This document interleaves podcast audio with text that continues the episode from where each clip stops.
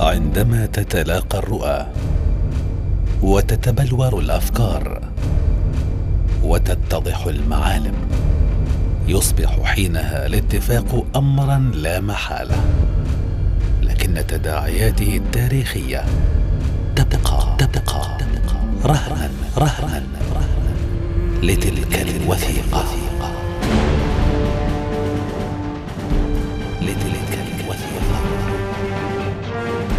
الوثيقة. برنامج وثائقي لأحمد عدنان الاتفاقية الإثيوبية.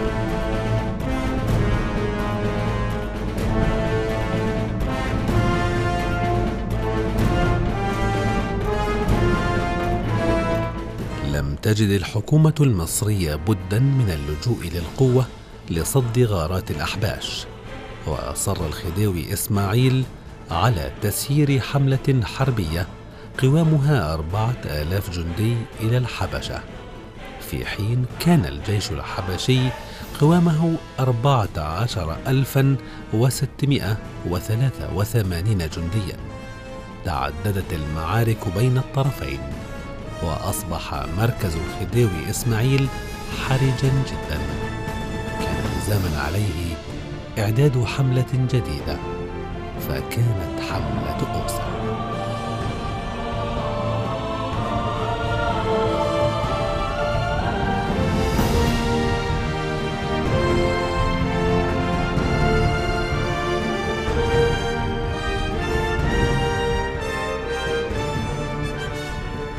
في السابع عشر من سبتمبر من عام 1877 وقعت الحكومتان الإنجليزية والمصرية اتفاقا بشأن الحدود المصرية حيث اعترفت الأولى بسيادة مصر على الساحل الصومالي حتى رأس حافون. كما اشترطت تلك المعاهدة عدم جواز منع الخديوي إسماعيل أو من يخلفه من أبنائه أي أرض مملوكة لمصر للغير. ونتيجة ازدياد نفوذ إنجلترا في ممتلكات مصر المجاورة للحبشة مما أدى إلى عدم تسوية مشكلة الحدود بين البلدين. وظلت هذه المسألة مثار مفاوضات طويلة إلى أن دخلت إنجلترا مصر. فأمكنها بذلك أن تسوي نزاع الحدود على حساب مصر ولصالح الحبشة. استمر الوضع على هذا الحال إلى أن أبدى ملك الحبشة الملك ثيودورس رغبة في إقامة سفارتين ببلاده إحداهما إنجليزية والأخرى فرنسية. وقتها رفضت الدولتان تلبية رغبته مما أثار غضبه وقام بالقبض على الرعايا الأوروبيين المقيمين في الحبشة وأودعهم السجن. وكان من بينهم القنصل الإنجليزي كاميرون. ونتيجة لذلك لجأت إنجلترا إلى والي مصر الخديوي إسماعيل لاستخدام نفوذه في التوسط لإقناع الملك الحبشي بالعدول عن موقفه. فأرسل الخديوي كتابا بتاريخ الأكتوبر. فأرسل الخديوي كتابا في عام 1867 وتحديدا في شهر أكتوبر ينصحه فيه بإطلاق سراح الرعايا الأوروبيين حقنا للدماء.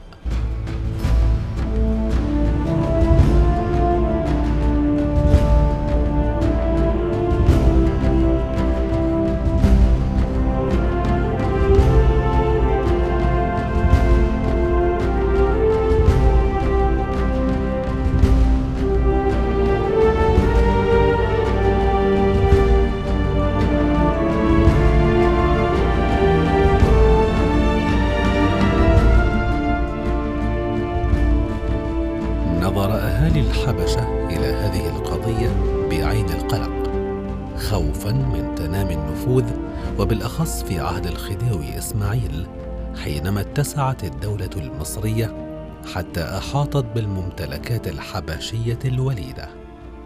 تزايدت هذه المخاوف بعد أن أشاعت الصحف الأوروبية آنذاك عزم محمد علي باشا حاكم مصر في ذلك التوقيت. ضم الحبشة لممتلكاته وهي المخاوف التي استمرت إلى ما بعد توقيع معاهدة لندن عام 1840 وصدور فرمان عام 1841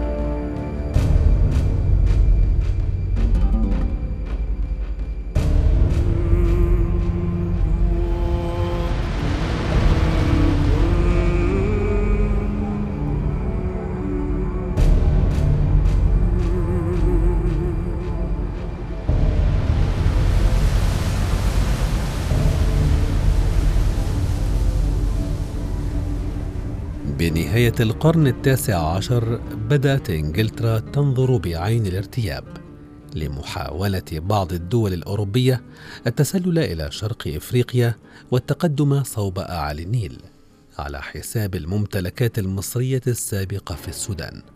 في المقابل كانت منطقة أعالي النيل على درجة كبيرة من الأهمية بالنسبة لمشروعات إنجلترا التوسعية في إفريقيا.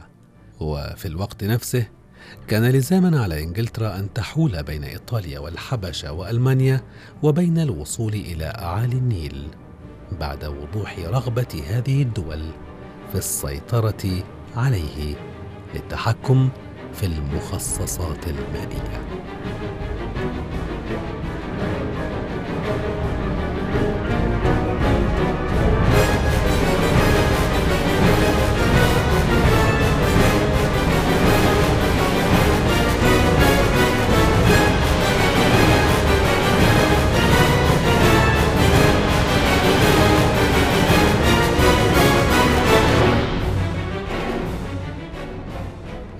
بهذا الإجراء خيبت إنجلترا آمال إثيوبيا ونقضت معاهدة عدوى. فاحتلت إيطاليا عدوى ورآها ملك الحبشة فرصة مناسبة حيث نازل القوات الإيطالية في موقعة عدوى في الأول من مايو من عام 1896 وأرغمها على توقيع معاهدة أديس أبابا مع الملك منلك في السادس والعشرين من أكتوبر من العام نفسه التي اعترفت فيها إيطاليا باستقلال الحبشة وتحديد الحدود بينها وبين أريتريا.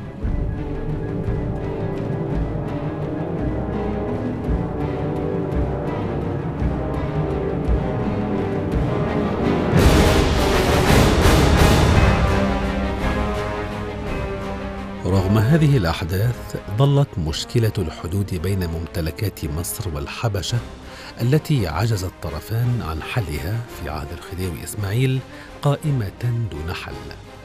ورأت إنجلترا في ذلك فرصة عام 1902 نتيجة خطأ وقعت فيه فرنسا واستغلته إنجلترا لصالحها. بعد أن منح إمبراطور الحبشة أحد السويسريين ألفريد إلغ عام 1894 حق امتياز مد خط سكة حديد الحبشة. وتكونت لهذا الغرض شركة فرنسية أخذت على عاتقها تنفيذ هذا الخط. وعجزت الشركة الفرنسية عن القيام بالتزاماتها واحتاجت زيادة رأس المال.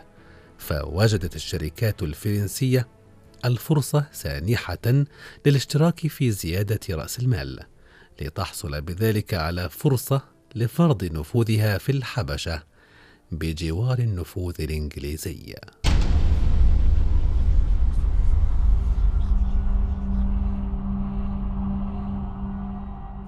تدخلت الحكومة الفرنسية لدى الشركة المنفذة للخط ومنحتها إعانة سنوية تقدر بنصف مليون فرنك لمدة خمسين عاما لزيادة رأس المال واستطاعت أن تسيطر على الشركة دون استشارة ملك الحبشة بصفته صاحب الحق الأول في منح ذلك الامتياز. استغلت إنجلترا هذا الخطأ حسب الوثائق عندما أكد مبعوثها السير جون هارينغتون لدى منلك الثاني ملك الحبشة أن هناك سوء نوايا من الجانب الفرنسي حيال بلاده. ولذلك منحت إنجلترا الملك منلك الثاني أرضا من الممتلكات المصرية مساحتها ثلاثة آلاف وستمائة كيلومتر مربع تقع على الجنوب الشرقي من السودان. وتتصل بنهر الصباط فبسطت إثيوبيا حدودها لتشمل هذا النهر وتم الاعتراف لها بسيادتها على أراضٍ احتلتها من مصر وتشمل المسافة الواقعة بين نهري بارو والجب. في الخامس عشر من مايو من عام 1902 تم توقيع معاهدة بشأن الحدود المصرية مع الحبشة وهي الاتفاقية التي تم الحصول على صورتها الأصلية من الأرشيف البريطاني. وتعهد فيها ملك الحبشة بعدم تشييد أو السماح بتشييد أي عمل على النيل الأزرق وبحيرة تانا أو نهر الصباط من شأنه منع جريان المياه إلى النيل. إلا بالاتفاق مع حكومة جلالة الملك البريطاني وحكومة مصر بالسودان وفق ترجمة نصوص تلك الوثيقة.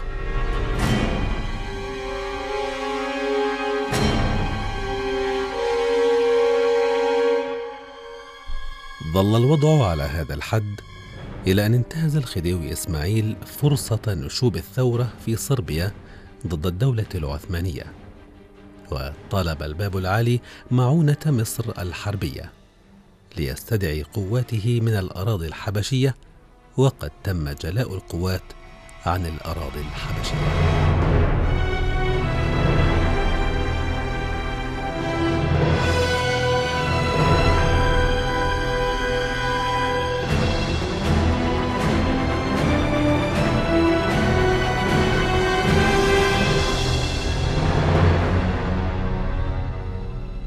بعد عزل الخديوي إسماعيل وتولي الخديوي توفيق بدأ الأحباش يتحرشون بالمقيمين عند خط الحدود مع الحبشة.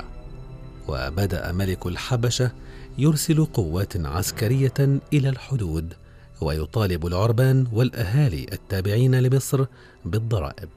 ونتيجة لتلك المغالاة فشلت المفاوضات حيث اقترح جوردون على الحكومة المصرية كحل جزئي لهذا النزاع ولتخفيف الضغط الواقع على حدود مصر أن تقوم بمنح إيطاليا قطعة أرض بالقرب من مصوع كي تواجه الحبشة عدوا جديدا تجد فيه ما يشغلها عن مناواه مصر.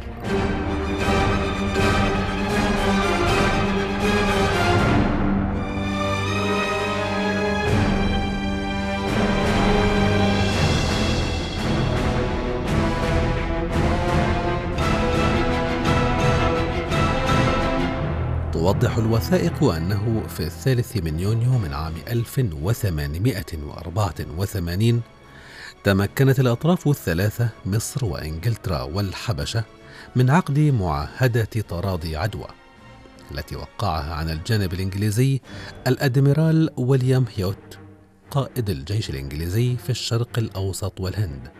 وعن الجانب المصري مازون باشا محافظ مصوع وعن الجانب الإثيوبي يوحنس الرابع نفسه.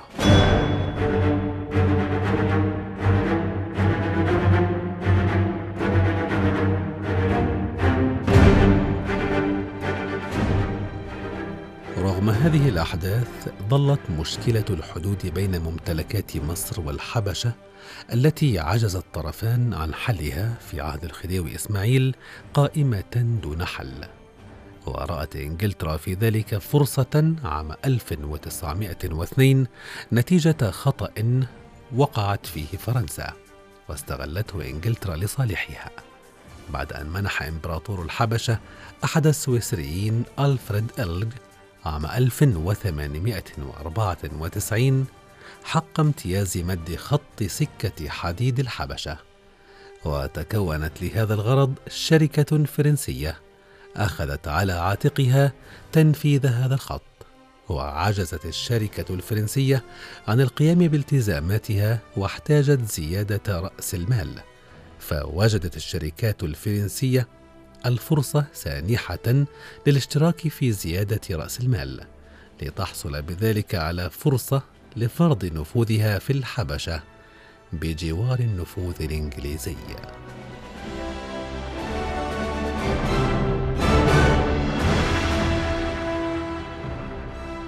تدخلت الحكومة الفرنسية لدى الشركة المنفذة للخط ومنحتها إعانة سنوية تقدر بنصف مليون فرنك لمدة خمسين عاما لزيادة رأس المال واستطاعت أن تسيطر على الشركة دون استشارة ملك الحبشة بصفته صاحب الحق الأول في منح ذلك الامتياز. عندما تتلاقى الرؤى وتتبلور الأفكار وتتضح المعالم يصبح حينها الاتفاق امرا لا محالة. لكن تداعياته التاريخية تبقى تبقى رهنا رهنا لتلك الوثيقة.